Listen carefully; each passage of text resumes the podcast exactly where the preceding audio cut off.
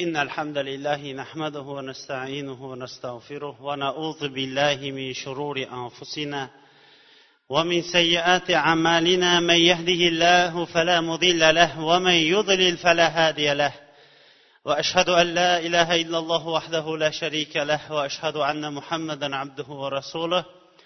ثم عما بعد السلام عليكم ورحمة الله وبركاته. Odatdagidek suhbatimizni boshlashdan avval biz alloh subhanava taoloning go'zal ismlari va oliy sifatlari bilan ushbu majlisimizni turli xato va kamchiliklardan xoli bo'lgan majlislardan qilishligini tarqalishligimizda esa alloh taoloning ilm halaqalarini qidirib yuruvchi farishtalari bizlarga qarata ey ollohning bandalari endi sizlar o'rninglardan turaveringlar vaholanki endi gunohinglar kechirilindi degan majlislardan qilishligini so'rab suhbatimizni boshlaymiz. Katta tarixdan hijriy yettinchi yilda rasululloh sollallohu alayhi vasallam hudaybiya sulhidan keyin yer kurasidagi taniqli bo'lgan buyuk bir podshohlarni islomga chaqirib haq yo'lga ularni chaqirganligi haqidagi xatlarini yuborishlik asnosiga to'xtagan edik. To'rtinchi xatni rasululloh sollallohu alayhi vasallam rim imperatori qaysarga yo'lladi. Mana shu bilan hammamizga ham ma'lum bo'lmoqligi kerakki rasululloh alayhissalomning himmati shunchalik bir baland edi. Buyuk himmat egasi edi. Barcha payg'ambarlar ham himmati buyuk bo'lgan. Ular biron bir narsani allohga duo qilib so'raydigan bo'lsa buyuk narsalarni so'rashgan. Rasululloh sollallohu alayhi vasallamning ibodatdagi himmati allohga bo'lgan himmati duoda bo'lgan himmati da'vatda bo'lgan himmati hayotdagi himmati qo'yingki hammasi ham buyuk bir himmat egasi edi. Rasululloh sollallohu alayhi vasallamning duo zikrdagi himmati muborak tillari allohning zikridan qurib qolmasdi. Qur'onni xatm qilardi. Buyuk zotdan buyuk farishtadan bu qur'onni qabul qilib olardi. Va shu bilan oilada ham buyuk ediki rasululloh sollallohu alayhi vasallam vafot etayotgan vaqtlarida to'qqizta onamiz bor edi.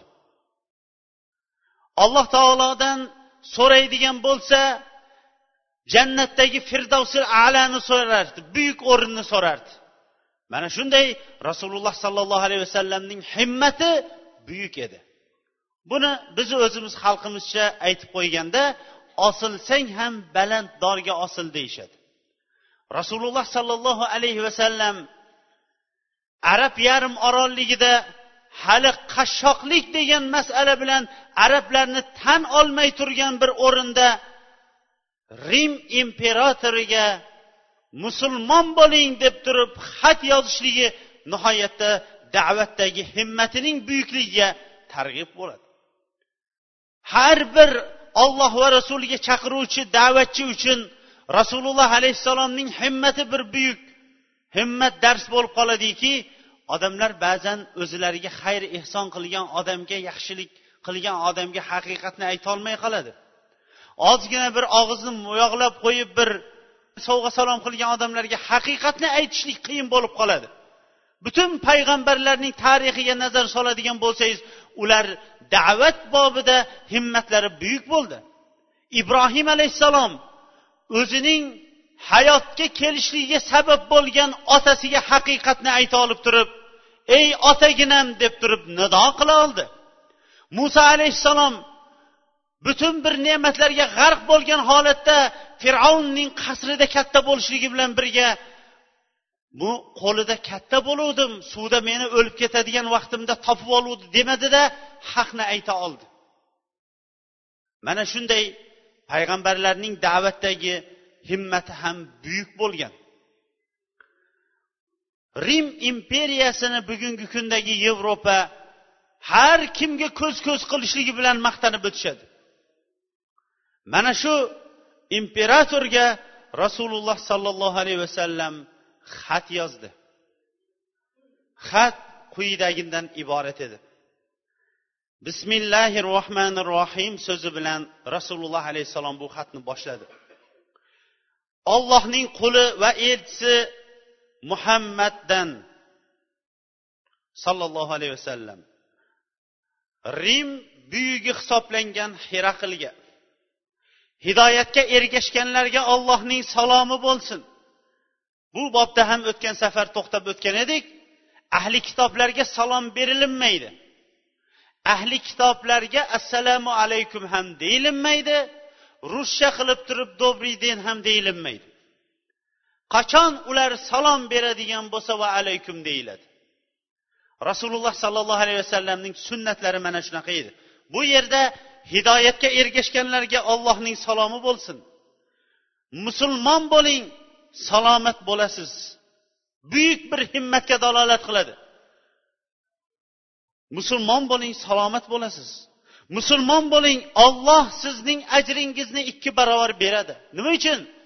Chunki rasululloh sollallohu alayhi vasallam boshqa hadisda aytgan edilarki qaysi bir yahudiy yoinki nasroniy mening chiqqanimni eshitib iymon keltirsa unga olloh ikki ajr beradi. Isa ibn maryamga iymon keltirganligiga yo muso alayhissalomga iymon keltirganligiga bir savob menga iymon keltirganligiga ikki savobdir dedi. Allohu akbar. Bu islomning butun olam shumul din ekanligiga dalolat qiladi.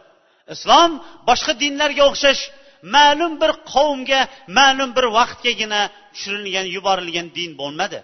Balki butun arabu ajam bo'lgan yer kurasidagi alloh taoloning qaysi bir bandasi maxluq bo'ladigan bo'lsa bu inson farzandining barchasiga yuborildi. Agar bundan yuz o'giradigan bo'lsangiz arisiylarning gunohining barchasi sizning bo'yningizgadir dedi. Allohu akbar. Hujjat qat'iy ravishda shubhalanish ikkilanishlik degan masala rasululloh sollallohu alayhi vasallamning da'vatida yo'q edi. Hayotida u kishining hayotida shubhalanish degan narsaning o'zi yo'q edi. Chunki din islom dini shubha ustiga qurilmagan edi. Hujjat barpo qilgan inson o'zi haq ustida turganligini bilganidan keyin haqni insonlarga yetkazganidan keyin bundan agar yuz o'giriladigan bo'lsa gunoh endi o'ziga qolishligini aniq biladi. Tabliğ ya'ni da'vat insonlarga yetkazilinadi ammo ularni majburlab o'rinlashlik insonlarning qo'lida madomiki hukm qo'lida bo'lmagandan keyin ularni majburlay olmaydi. Rasululloh alayhissalomning ham rim imperatori ustidan hukm chiqaradigan kuchi yo'q edi. Hali u darajada emas edi lekin hukmni yetkazishlik ollohning da'vatini yetkazishlikda yetkazib turdida agar bundan yuz o'giradigan bo'lsangiz kufr holatda qoladigan bo'lsangiz qo'l ostingizda turgan butun arisiyinlarning gunohi sizning bo'yningizdadir deb turib mana bu oyatni yozdi bu oyatni o'tgan hafta ham o'qigan edik auzu billahi minash shaytonir rojim يا أهل الكتاب تعالوا إلى كلمة سواء بيننا وبينكم ألا نعبد إلا الله ولا نشرك به شيئا ولا يتخذ بعضنا بعضا أربابا من دون الله فإن تولوا فقولوا اشهدوا بأننا مسلمون ey ahli kitoblar sizlar bilan bizni o'rtamizdagi bab barobar bo'lib turgan bir haq kalimaga kelinglar. Bu kalima ollohning o'zigagina ibodat qilaylik va unga biron bir narsani sherik qilmaylik va ba'zimizni ba'zimiz ollohni qo'yib rob iloh qilib olmaylik. Agar yuz o'giradigan bo'lsanglar biz mana shu qonun ustida turgan musulmon ekanligimizni bilinglar degan oyatni yozdi. Bu xatni ko'tarib olib borishlik uchun dihyat ibn xalifa al kalbiy roziyallohu anhuni tanladi. Va basra shahrining hokimiga topshirishlikka buyurdi. Basra shahrining hokimi uni rim imperatoriga topshirardi. Avvalda aytganimizdek o'sha davrda yer kurasida ikkita katta imperiya turardi. Rim imperiyasi va fors imperiyasi. Imperiya bo'lgandan keyin boshqa katta davlatlar ham ularning qo'l ostida ularga mustamlamaka holatda ularga tobi bo'lib ergashib turardi. Basra shahri bu tomondagi hozirgi kundagi falastin suriya urdun turkiya yevropa bu davlatlarning barchasi rim imperiyasiga qarardi. Eron xuroson mavaro nahr va bu atrofdagi davlatlar fors imperiyasiga qarardi. Arab qo'rfasi bo'lsa yarim orolligi bo'lsa ular odam sifatida ularni hisoblamasdi. Oddiygina bir tashlab qo'yilgan ochlik vaqtida bizga non talab qilib chiqadigan qaloq bir qashshoq davlat deb bilishardi. Imom buxoriy ibn abbos roziyallohu anhudan rivoyat qiladi. O'tgan safar aytganimizdek fors imperiyasi bilan rim imperiyasi mana shu rasululloh sollallohu alayhi vasallamning muborak xatlari borishligidan avval bir birlari bilan to'qnashgan urushgan edi. Forsliklar mag'lubiyatga uchragan rim imperiyasi bo'lsa ular ustidan g'olib bo'lgan edi. Rim imperatori bu g'alabani shukronasi uchun falastinga kelgan edi. Falastin avvaldan ahli kitoblar e'zozlab keladigan o'rin edi. U yerga kelib o'zlari davo qilayotgan iso ibn maryam alayhissalomni osilingan o'sha hoj yog'ochini o'rniga qo'yishlik va allohga fors imperiyasi ustidan qilgan g'olibligini shukronasini qilishlik uchun iliya shahriga ya'ni falastinga bugungi falastinga kelgan vaqtida rasululloh sollallohu alayhi vasallamning elchisi ham shu yerga kelib turib falastinning hokimiga bu xatni topshirgan edi. Endi masalani bu yoqda eshitdik. Ibn abbos roziyallohu anhudan abu sufyon tijoratchi edi. Makka tijoratining barchasi shom diyorlari bilan bog'liq. Edi shom diyorlarining geografik ahvoliga qaraydigan bo'lsak ularda ham bizni diyorlarga o'xshash oqin suvlar dehqonchilik mana shunaqa chorvochilik nihoyatda rivojlangan. Arab yarim orolligi va atrofdagi ko'p davlatlar u yoqdan don dun va yeydigan ichimliklarning barcha ozuqalari shom diyori dan olib kelinardi. Voqeaga muvofiq abu sufyon ham tijorat bilan shu tomonlarga chiqqan edi. Xat rim imperatorining qo'liga shom diyorida tushdi. Xatni o'qib chiqqanidan keyin rasululloh sollallohu alayhi vasallamni yana bir surishtirmoqchi bo'ldi. Har kim ham imperator bo'lavermaydi. Har kim ham bir shaharning podshohi bo'lavermaydi. U ertaklarda yoyinki podshohlik yo'qotilingandan keyingi podshohlikka qarshi qilingan falsafalarda u podshohni ahmoq ko'rsatadigan. Podshohlar bo'lib ham o'tgan asrlardagi musulmonlarning boshchisi bo'lib turganlar nihoyatda dono bo'lishgan. Rim imperatori ham xuddi shunday aqlli kishi edi. Bilardi shom diyorlarida arab savdogarlari yurishligini. Bozorga chiqib butun arab makkadan yoyinki madinadan kelgan savdogarlarni chaqirib kelishligini buyurdi. Abu sufyon va jamoasi imperatorning hozirlab qo'yilgan qasriga olib kirildi imperator to'rda o'zining kursisida o'tirardi. Imperatorning atrofidagi yordamchilari ayonlari ikki tomonda turardi. Katta bir zal bularni kutib turardi. Rim imperatori sekin arab tilini biladigan tarjimonini chaqirdida ularga ayting payg'ambarlikni davo qilayotgan kishiga qaysi biri bularning ichida nasabi yaqinroq ekanligini so'rangchi dedi. Tarjimon bu so'zni tarjima qilganidan keyin abu sufyon men dedi. Abu sufyon rasululloh sollallohu alayhi vasallamning amakilaridan edi. Unday bo'lsa o'sha yaqin qarindoshini menga yaqinroq olib kelinglar. Qolgan savdogarlar orqada tursin dedi. Tarjimon xuddi shunday qildi. Abu sufyonning oldida faqatgina rim imperatori turardi. Orqadagilarni ko'rmasdi. Bu ham imperatorning zakovatiga dalolat qilardi. Tarjimonga aytdi ayting ularga men bu kishidan qarindoshidan ba'zi savollarni so'rayman. Agar yolg'on gapiradigan bo'lsa orqadan boshinglar bilan imlab qo'yinglar shuni o'zi menga kifoyadir dedi. Abu sufyon aytadi agar hayo menga g'olib kelmaganida uyalmaganimda yolg'on gapirgan bo'lardim deydi. Va ya subhanalloh abu sufyonga hozir shunaqangi bir savollar beradiki abu sufyon mutloq haqiqat bilan rost gapirib qo'yadi. Bu ikkita narsaga dalolat qiladi. Birinchi dalolat qilgani rasululloh sollallohu alayhi vasallamning haq payg'ambar ekanligiga dalolat qiladi. Nima uchun?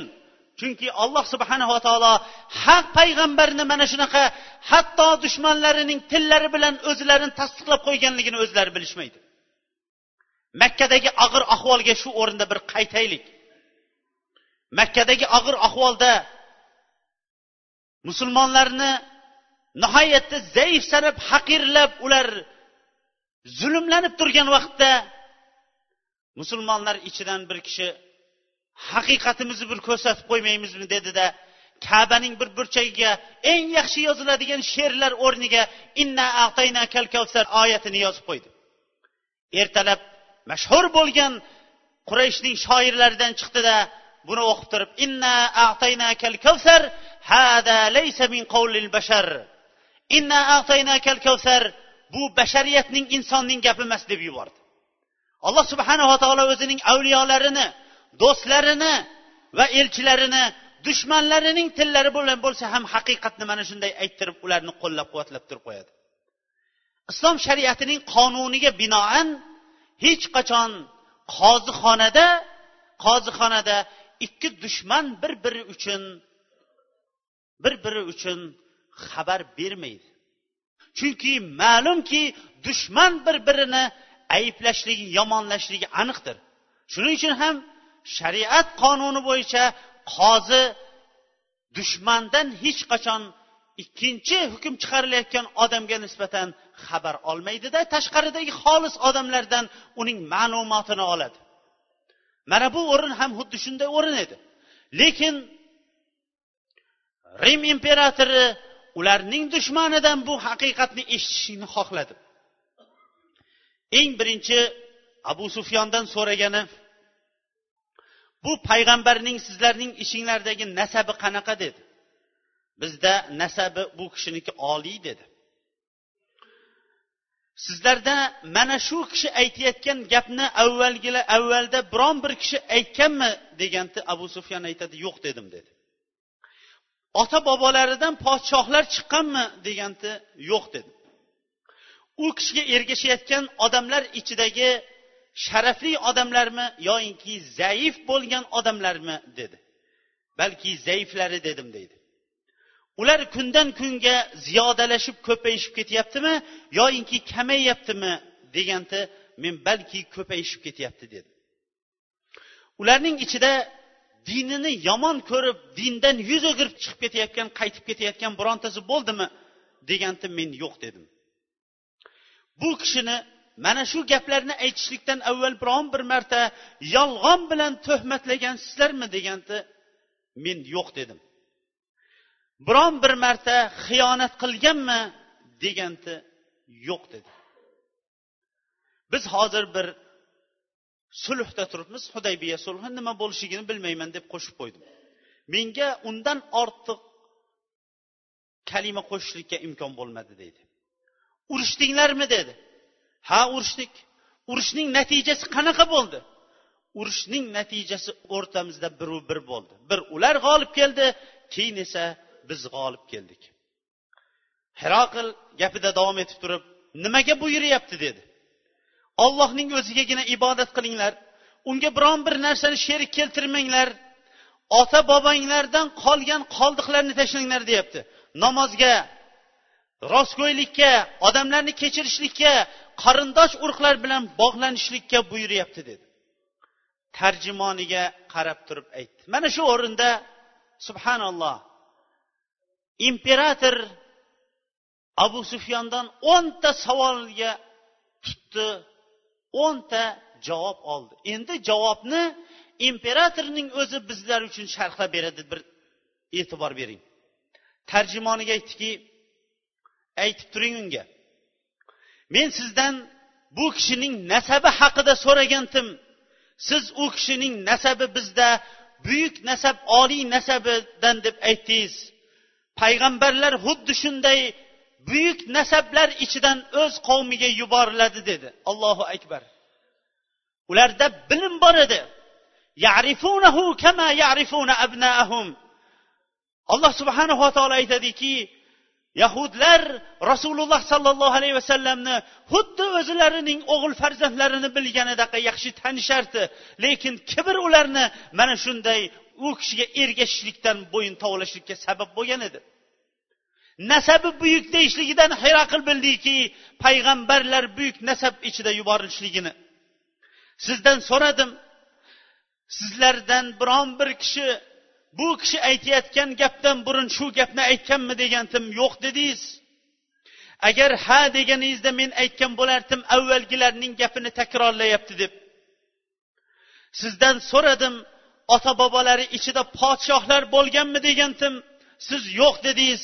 Agar ota bobolarida podshoh bo'lganda ota bobolarining podshohligini mulkini qidiryapti deb aytgan bo'lardim dedi. Subhanalloh. Bularning barchasi qur'onga qur'onga muvofiq bo'lgan javoblar va izohlarki ba'zi bir suralarda alloh subhanava taolo payg'ambarlarning da'vatini bizlarga bayon qilib turib ya qavmi la asalukum alayhi ajro ey qavmim sizlarga qilib turgan da'vatimda haqqa chaqirib turgan vaqtimda sizlarga bunda ajr mukofot so'rab turganim yo'q. Agarchi yer kurasining barcha musiqachilari soatiga pul oladigan bo'lsa olloh yo'liga chaqirayotgan payg'ambarlar va payg'ambarlarga chaqirayotganlarning barchasi soatlariga ular pul so'rashmaydi. Odamlarni yaxshilikka chaqirib yomonlikdan qaytaradigan bo'lsa namozga chaqirib turib mast qiluvchi ichimliklar va giyohvandligu boshqa bir shirik amallaridan qaytaradigan bo'lsa ularning isloh bo'lib qolganligi uchun endi hayotinglarning bu yoqda bizni bir guruhimizning a'zosi bo'lib qoldinglar. Bunga bir hayotinglardagi ishlab chiqarish maoshinglardagi biron bir foizini berib turasizlar deyishlik islomda yo'qdir. Rasululloh sollallohu alayhi vasallam va u kishidan avvalgi payg'ambarlarning olib kelgan yo'llarining barchasi islom dini o'zi mana shunaqa edi. Herakl rim imperatori ham buni bilardi.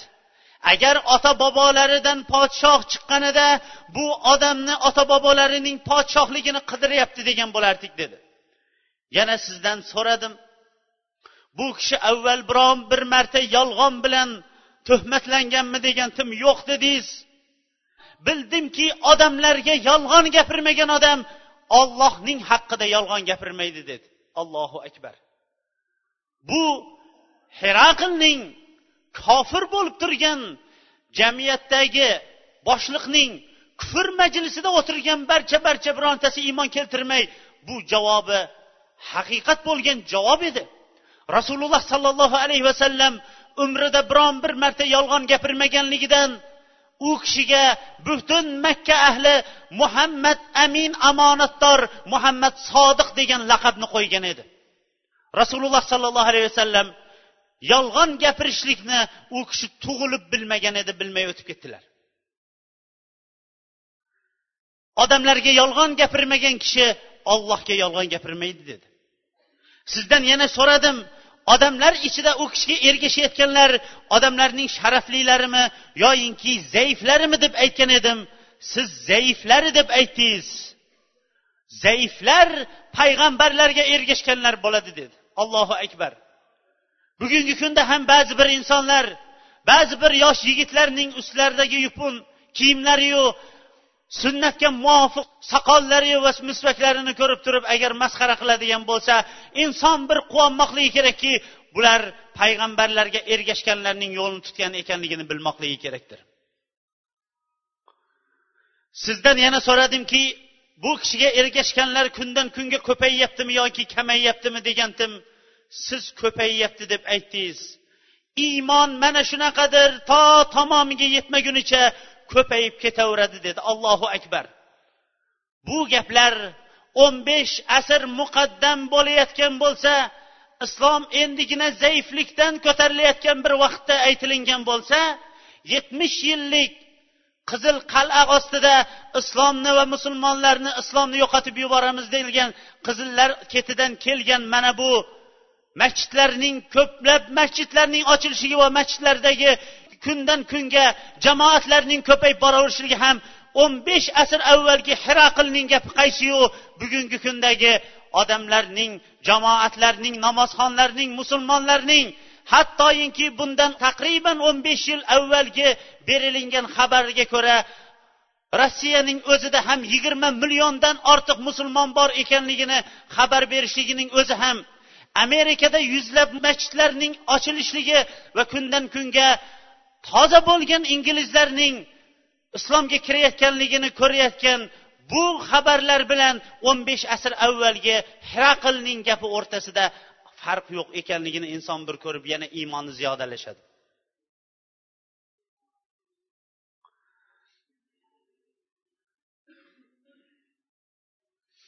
Yana sizdan so'radimki ularning birontasi bu dindan g'azablangan holatda dinga kirganidan keyin dindan qaytib ketayotganman bormi desam yo'q dedingiz. Iymon shunaqadir. Qalbga bu iymon o'rnalashgandan keyin qaytmaydi dedi. Allohu akbar.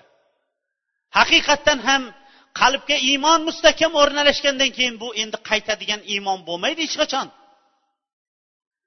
Ammo bugungi kundagi bizni diyorlar va qo'shni diyorlardagi ba'zi bir musulmonlarning farzandlari yegova va boshqa bir guruhlarga kirib ketayotganligiga javobim shuki ular mutloq islomni ota onasi musulmon bo'lganligini bilishadi dindan xabari yo'q bo'lganligi uchun ham ular ba'zi bir dunyoviy muomalalar orqasidan shungagina kirgishgan ular bilan suhbat o'tkazganda mana shu gapni aytishgan.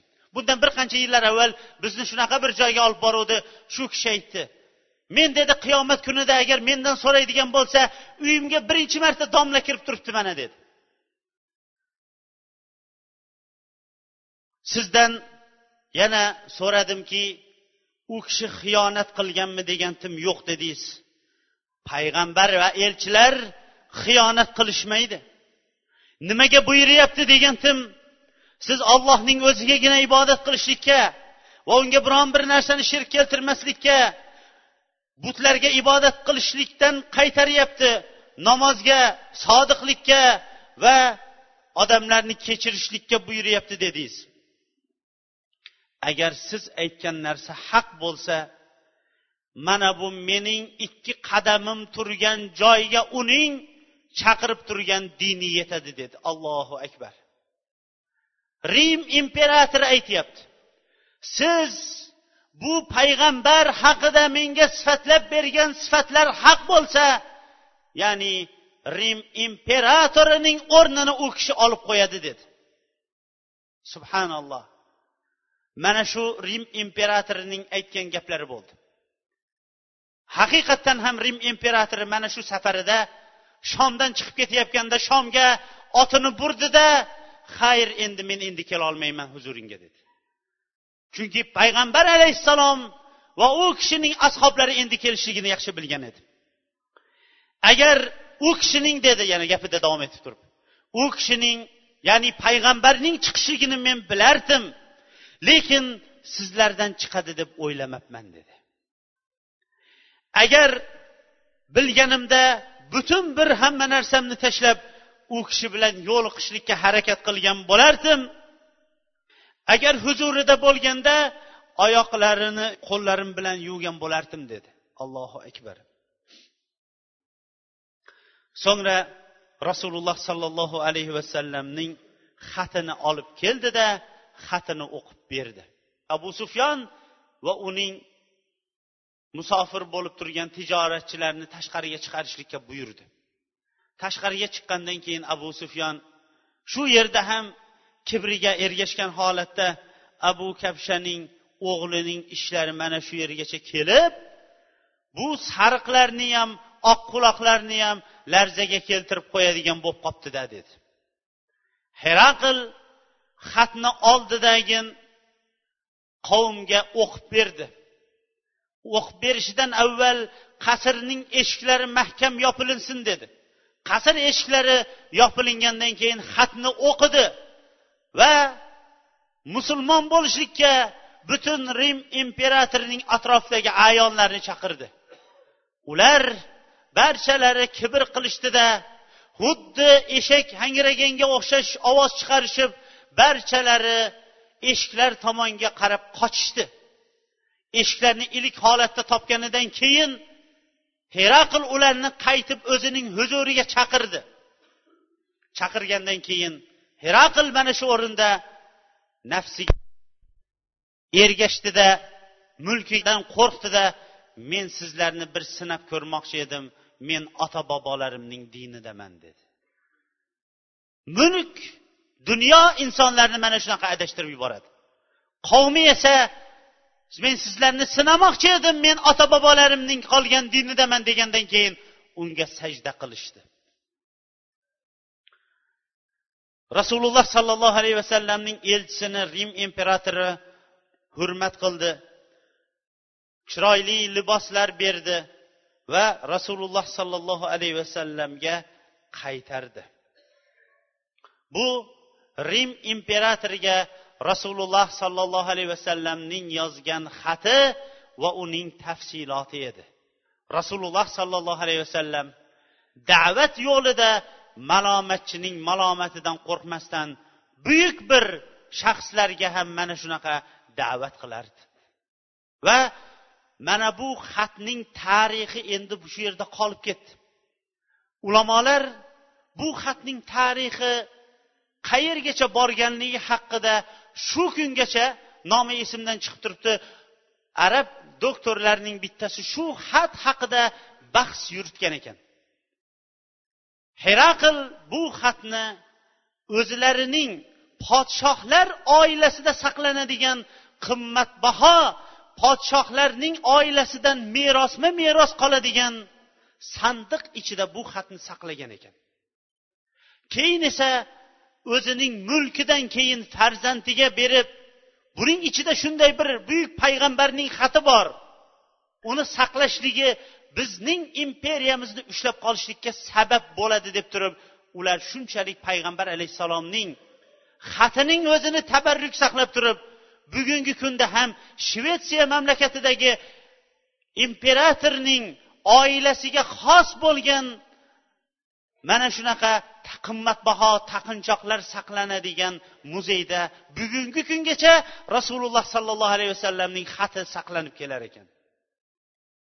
Yarifunahu kama yarifuna abnaahum.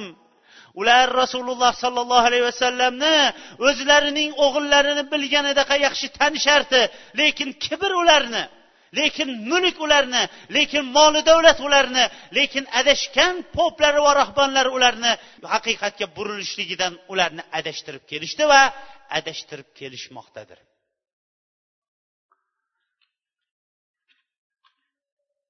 Rasululloh sollallohu alayhi vasallamning elchisi dehyatul kalbiy bu sovg'alarni olib yo'lda qaroqchilar qo'liga tushdi. Inshaalloh suhbatimizni davomini kelgusi haftada davom ettiramiz.